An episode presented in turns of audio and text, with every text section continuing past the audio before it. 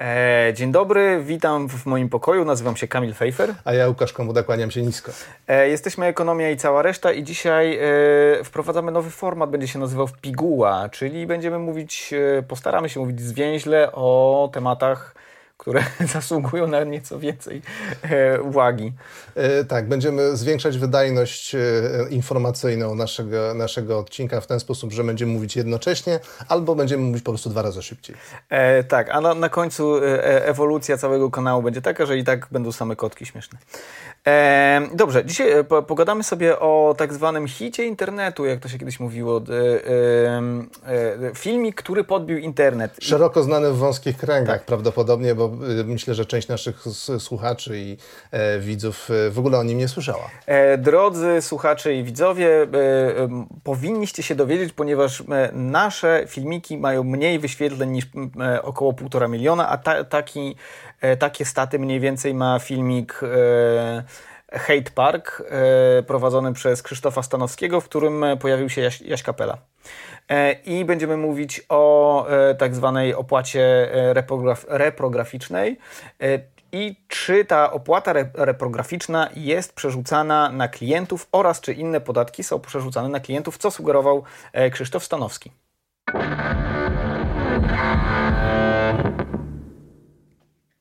E, witamy ponownie. E, w pierwszych słowach chcieliśmy podziękować naszym e, patronom. Mamy już 28 patronów z, z portalu Patronite, którzy nas wspierają.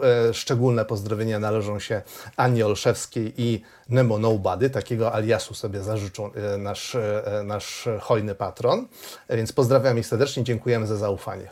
Ale pozdrawiamy również wszystkich innych patronów, ponieważ to jest do, takie bardzo miłe, miła forma uznania, jeżeli wspieracie nas i swoimi własnymi pieniędzmi, swoją krwawicą na Patronajcie. Jeżeli uważacie, że to, co robimy jest spoko, to możecie dołączyć do grona patronów hojnych lub mniej hojnych.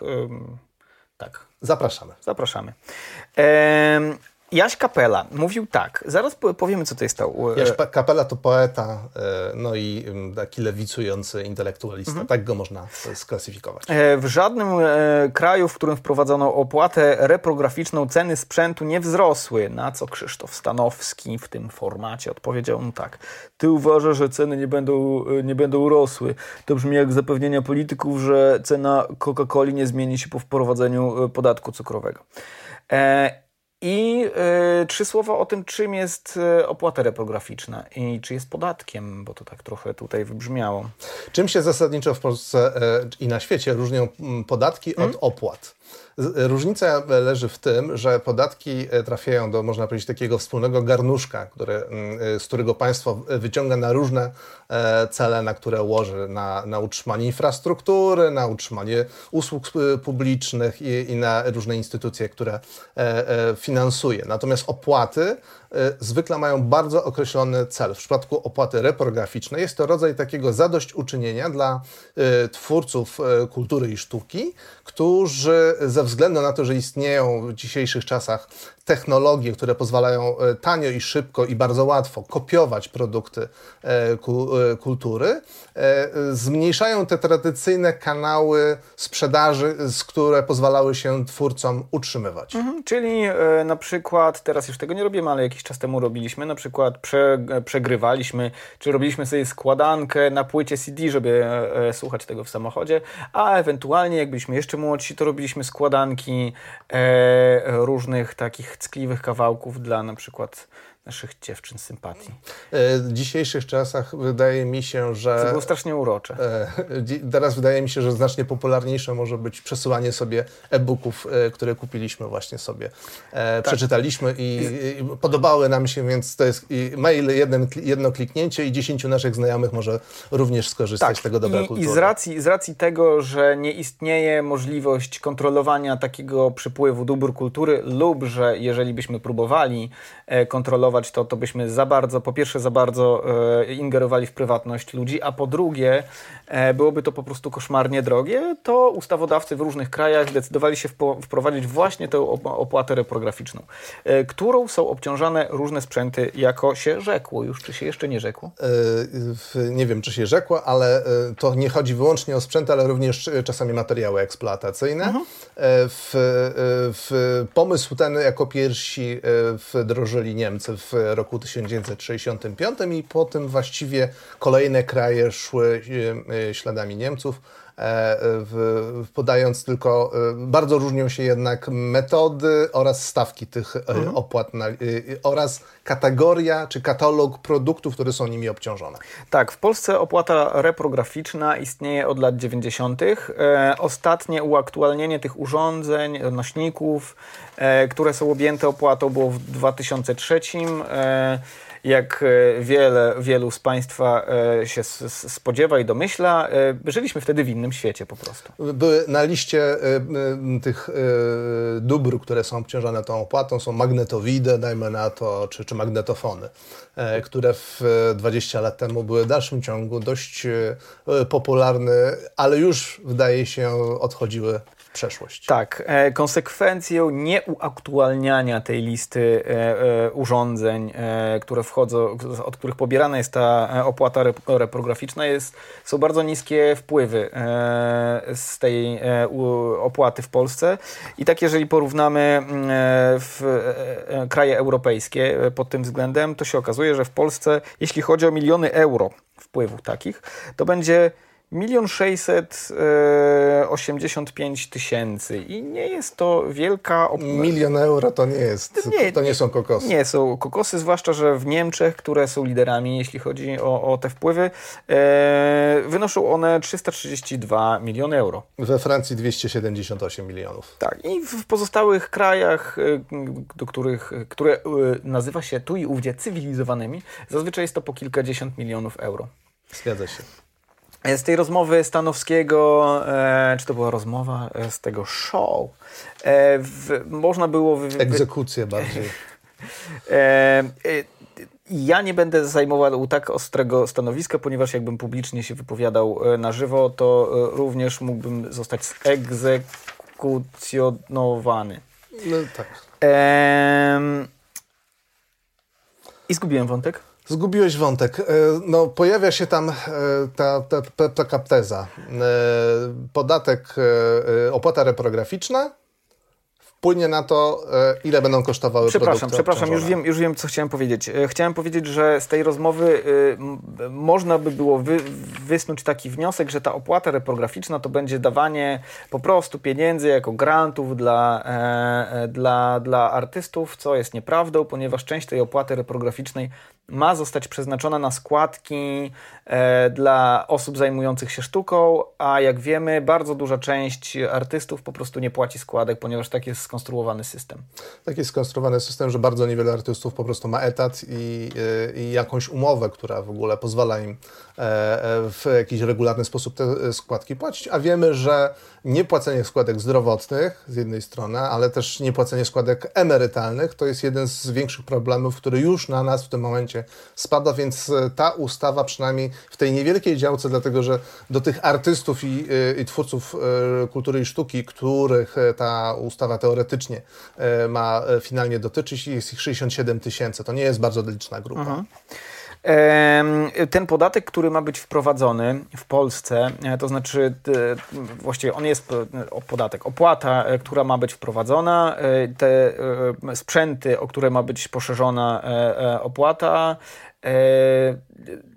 procent od tych sprzętów ma się wahać od 1 do 4%. Od ceny, od ceny yy, że tak powiem, pierwszego sprzedawcy na naszym rynku, dlatego że opłatę ma ponosić yy, pierwszy, pierwsza, pierwszy podmiot, który wprowadza dany produkt na nasz rynek. Czyli to będzie albo producent, który może albo bezpośrednio sprzedawać produkt albo też sprzedawać go hurtownikom czy detalistom, albo importer, który również e, może albo bezpośrednio z klientami potem tym produktem handlować, bądź też mieć e, swoich, e, swoją sieć leżącą w rękach innych mhm. właścicieli. I teraz wróćmy do tego, do tej zagwostki początkowej, to znaczy kto ma rację, czy Jaś Kapela, który mówi, że w żadnym kraju, w którym wprowadzono opłatę reprograficzną ceny nie wzrosły, czy Krzysztof Stanowski, który twierdzi, że to tak się nie da. E, Łukasz, Łukasz wykonał tutaj tytaniczną pracę, bo się okazuje, że nie jest łatwo znaleźć dane na temat, e, na temat wpływu opłaty reprograficznej na ceny sprzętów, e, dlatego że to po prostu za, strasznie zależy. Mhm. To jest naj, naj, najczęstsza odpowiedź na każde pytanie dotyczące ekonomii czy, czy, czy, nauk społecznych. Na pytanie, i tu wpiszcie sobie pytanie, odpowiedź zawsze jest to zależy. I tutaj faktycznie e, bardzo to widać, dlatego że to, co udało mi się znaleźć, badania, które zostały zrealizowane e, blisko 10 lat temu e, dla Rady Europy, po prostu wy, były tam wybrane produkty, bardzo konkretne produkty, w, analizowane były w 20 krajach i autor tego badania starał się odpowiedzieć na pytanie, czy czy wysokość wszystkich obciążeń, był tam podatek VAT oraz opłata reprograficzna, czy te obciążenia w sumie mają wpływ na cenę końcową, którą płaci klient? Mhm. No i od, odpowiedź właśnie to zależy. Przypadku... Ale to zależy, ale raczej tak. E, tak, y, w, jeśli chodzi o, wybrano tam drukarkę, wtedy akurat taka pewnie była modna, e, HP 4500. Jeśli chodzi o tą drukarkę, to y, ta e, e, zależność tych ciężarów podatkowych w stosunku do finalnej ceny była na poziomie, e, e, korelacja między tymi dwoma czynnikami była na poziomie 0,29, czyli można to powiedzieć 29%. 29% e, w takim stopniu tłumaczy ostateczną cenę, jaką płaci konsument, wysokość tych obciążeń. Mhm. I ale był jeszcze iPod 64 giga, jeszcze iPod. To, to stare badanie chyba sprzed 10 lat. Tak, tak. iPod, iPod 64 giga miał tą korelację na poziomie 84%, czyli można powiedzieć bardzo silnie mhm. cena finalna zależała od tych obciążeń. Mhm. Więc widać tutaj, że e, w, w, w, czasami dwa produkty, można powiedzieć, one nie są bardzo podobne w sensie, ale jakaś taka funkcja, e, reprograficzna właśnie funkcja, może, można być, e, może być uznana za dość zbliżoną. Tak? Na jednej rzeczy możemy wydrukować kolejne kopie, dajmy na to książki czy jakiegoś materiału, który po, ktoś stworzył i włożył tam swój wysiłek, jakieś prawa autorskie z tym związane, na drugim odtwarzamy hmm. MP3. E, bo te, te ta różnica może również wynikać z tego, że iPod po prostu był y, bardziej obciążony tą opłatą. Nie jesteśmy tego pewni, chyba nie jesteśmy, nie? Ale nie ma znaczenia wy wysokość obciążenia, dlatego że ona y, była bardzo różna w różnych krajach, y, bo te opłaty bardzo się od siebie różnią. A jakby były e, uśrednione. Natomiast, natomiast badanie po prostu porównywało, y, czy jeżeli widzimy wysokość wszystkich podatków i opłat i y, widzimy cenę finalną produktu, to czy jest zbieżność między tymi czynnikami. Okay. Jeśli chodzi o iPoda, zbieżność jest bardzo wysoka, 84%. Mhm. A jeśli chodzi o drukarkę HP, e, tej zbieżności e, ona występuje, ale jest o wiele, wiele słabsza. Prawdopodobnie są tam inne czynniki, które zdecydowały e, o tym, że ta cena nie została tak we wszystkich krajach łatwo przerzucona na finalnych nabywców. Właśnie, przerzucona. Eee, to, o czym teraz będziemy mówić, to jest właśnie przerzucalność, tak zwana przerzucalność podatków. Incydencja? Incydencja podatkowa, incydencja. Jak piękne. chcecie brzmieć na mądrych ludzi, używajcie zamiast, terminów, które nic nikomu nie mówią. Tak, zamiast, zamiast jakaś tam wieśniacka przerzucalność, to niech to będzie incydencja. I najpierw wytłumaczmy, czy, na czym polega ta incydencja, e, dlatego że ona ma e, dwa kierunki. Może być do przodu, albo może być do tyłu. E, tak jak wspomnieliśmy, opłata reprograficzna jest narzucana na tych, którzy wprowadzają produkt na rynek. Weźmy dla przykładu producenta. Tak? Producent. Producent ma swoich e, odbiorców, którymi, którymi są sklepy. E, on może, ten producent, któremu narzucimy taką opłatę, on może wziąć tę opłatę w całości na klatę, i zrezygnować ze swojej marży. I w rezultacie... bardzo, bardzo częsty przypadek. łatwo, się, łatwo się domyśleć, że to e, raczej jest rzadko spotykane. Musi, musi, mus, muszą istnieć bardzo określone okoliczności. Może to przerzucić na, na, na ceny dla swoich dystrybutorów, czyli powiedzieć, mam nowe opłaty, będziecie płacili więcej za te drukarki, telewizory i inne, inny sprzęt i na przykład papier do drukarek, bo on też w, w tej nowelizacji ustawy reprograficznej występuje. Papier do drukarek, proszę Państwa. E, w, e, żebyś na przykład będziesz e, kserował, znaczy będziesz drukował poszczególne klatki z tych filmików z kotami. Yy, do dużo kotów wyjdzie wtedy. Ja dużo kotów oglądam. Tak, i tak sobie yy, do ruchome koty. Więc jeśli chodzi, jeśli chodzi o takie przerzucanie na do, tych odbiorców albo na klientów od razu, bo ten producent może też samemu sprzedawać i, i po prostu podwyższyć cenę detaliczną e, produktów, które sprzedaje, to jest tak zwane przerzucanie w, do przodu. A może być też przerzucanie do tyłu. Weźmy, wyobraźmy sobie, że obciążony jest sprzedawca. No więc on wtedy może tą y, y, y, opłatę przerzucić wstecz, czyli na producenta, na, na firmę, mhm. która mu dostarcza dane, dane, dane produkty. Trochę nam sobie trudno to wyobrazić, ale to dlatego, że zazwyczaj jest to nie, niemożliwe, dlatego że ci, którzy dostarczają produkty na nasz rynek, to przeważnie dość duże i silne firmy, e, e, a w tej grze liczy się siła negocjacyjna. Mhm. Niemniej, jeżeli wyobrazimy sobie taki przykład, że mamy jakiś produkt, którego dostawca nie ma innych rynków zbytu, tylko nasz, i nie może zmienić produkcji, bo na przykład jest sadownikiem i produkuje jabłka i nie przerzuci się bardzo szybko na gruszki czy śliwki, bo potrzeba lat, żeby wyrosły drzewka, yy, yy, więc jeżeli nagle wprowadzimy opłatę na sprzedaż dla sprzedawców, yy, od tej pory chcemy opodatkować dodatkowo jabłka, to y, można y, iść o zakład, że przynajmniej część tego podatku zostanie przerzucana nie tylko na konsumentów, to jest y, oczywiście w interesie sprzedawców, żeby samemu ich nie ponosić, mhm. ale zwiększona cena oznacza mniejszą liczbę nabywców. Więc oni mogą próbować przerzucać tą cenę wstecz, czyli na producentów, czyli na sadowników. E, mamy z tym do czynienia na polskim rynku, gdzie jest bardzo silny sektor e, hurtowników w stosunku do drobnych dostawców żywności. E, ich marże stopniały praktycznie do zera w ostatnich latach. Tak, przerzucalność podatków również występuje na pracowników. To znaczy wprowadzany jest podatek i osobami, czy też podmiotami, aktorami, które, którzy za to płacą, są pracownicy, którzy albo nie dostają podwyżek, albo wręcz ich wynagrodzenia są delikatnie obniżany. Dostają, dostają podniżki tak zwane. Tak, w ten czy inny sposób. Na przykład są pozbawieni premii, mhm. dlatego że firma tłumaczy, mhm. że nie może dać im premii, dlatego że zwiększyły się jej koszty działalności, bo rząd wprowadził tak, nowy podatek. Ale zyski zostały te same. E, dobrze, e, przykłady z przerzucalności podatków, e, takie, które najbardziej jarają w Polsce, czyli e, opłata cukrowa oraz podatek bankowy.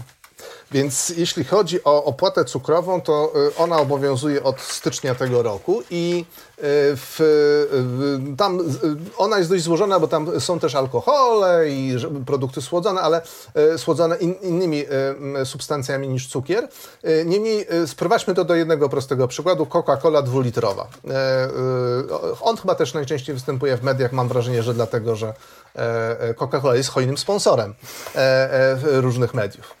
E, więc weźmy taką Coca-Colę dwulitrową. Znalazłem informację, która, e, która nam e, mówi o tym, e, że cena Coca-Coli wzrosła na skutek wprowadzenia tej e, e, opłaty cukrowej z 3,85 zł do 7 zł 29 groszy, czyli wzrosła cena o 3,44. 3 zł 44 grosze. Ile wzrosła opłata, którą musi zapłacić producent, czyli Coca-Cola Polska? Złote 80. Co to oznacza? Oznacza, że cena wzrosła o wiele bardziej niż opłata, którą y, y, poniósł producent. Nawet, nawet jeżeli do tego złote 80 doliczymy podatek VAT, mhm.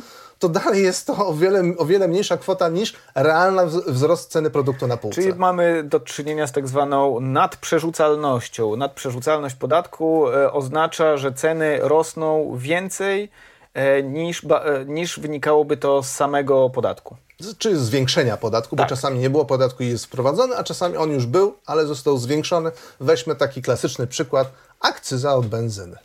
Tak. Arkadiusz Bernal e, w Polsce napisał kilka artykułów, które agregują e, e, inne artykuły na temat przerzucalności podatków. I tak, Taka metaanaliza meta, to się nazywa. No, dokładnie tak, zrobił metaanalizę. I co, cofa nas w przeszłość dosyć daleko ta metaanaliza, ponieważ znajdujemy się właśnie w latach dwudziestych w Stanach Zjednoczonych i porównujemy ceny ubrań. Pierwsza część analizy odnosiła się do lat 1925-1939. Druga część była od 1947 do 1977 roku i okazało się, że mm, podatek był w całości... Od sprzedaży, podatek od sprzedaży. Od sprzedaży. Tak, tak, tak. Był w całości przerzucony na konsumentów w czasie okresu powojennego. Natomiast w okresie przedwojennym tylko dwie, tylko, no może nie tylko, dwie trzecie podatku było przerzucane na konsumentów. Czyli część została jakby wzięta, e, zmniejszyła de facto marżę. Tego nie wiemy, bo być mhm. może została przerzucona na przykład na, e, albo na, na, na producentów, producentów jakiejś części e, komponentów odzieży, albo, tak, albo, znaczy, albo na, na materiały po prostu, tak, surowce tak, tak, tak, do produkcji tak, odzieży. Tak, tak, tak, tak. E, kolejna analiza e, dotyczyła 12 rodzajów produktów e, w 155 miastach Stanów Zjednoczonych i to była analiza, czy te dane, które były analizowane dotyczyły okresu między 82 i 90 rokiem i tu się okazało, że rzeczywiście jak w przypadku Coca-Coli mieliśmy w przypadku niektórych produktów do czynienia z nadprzerzucalnością podatku.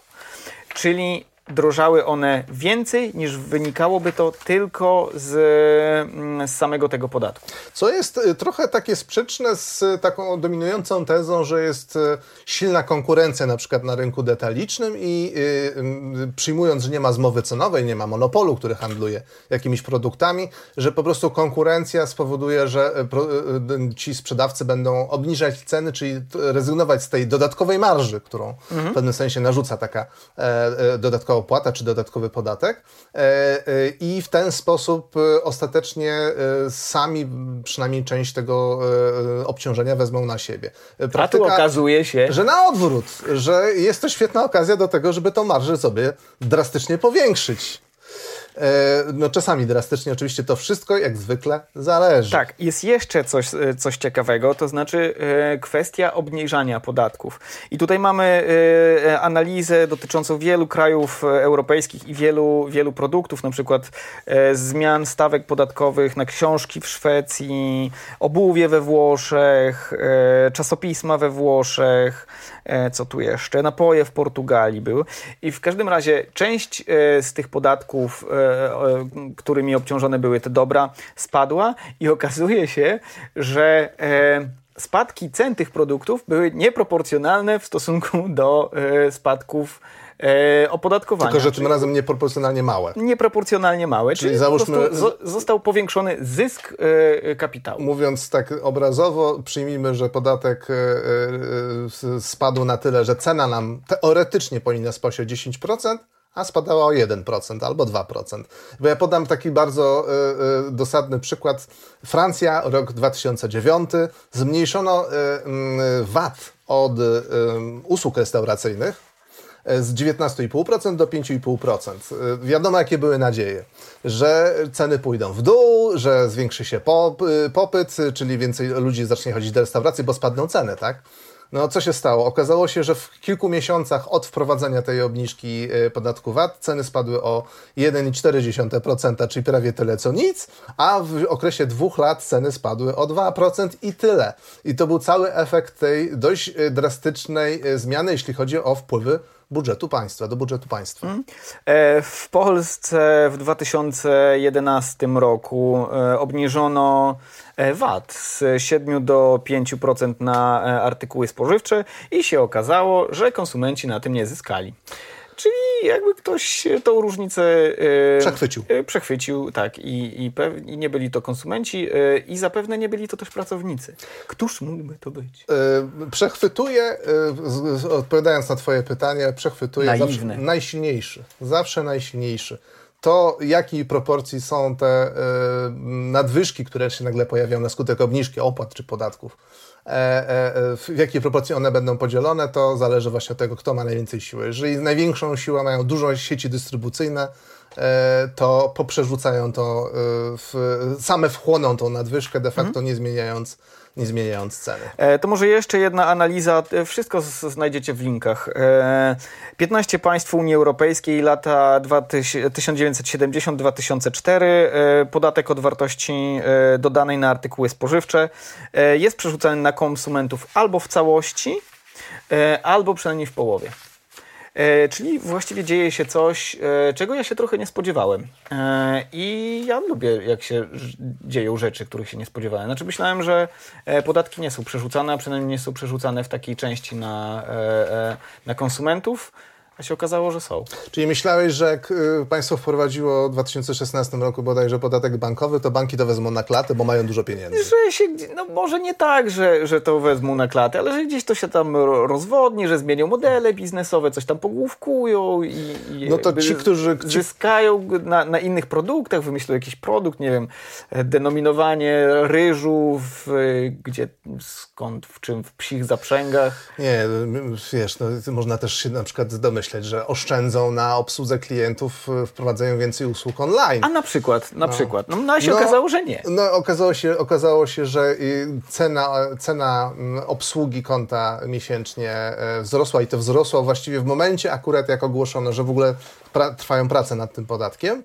E, ceny kredytów hipotecznych, czyli marże które banki narzucają w tych kredytach, wzrosły mniej więcej dokładnie wtedy, e, kiedy e, ten podatek wprowadzono. Tak dość istotnie od e, plus minus o jedną czwartą ta marża podskoczyła, jej wysokość procentowa.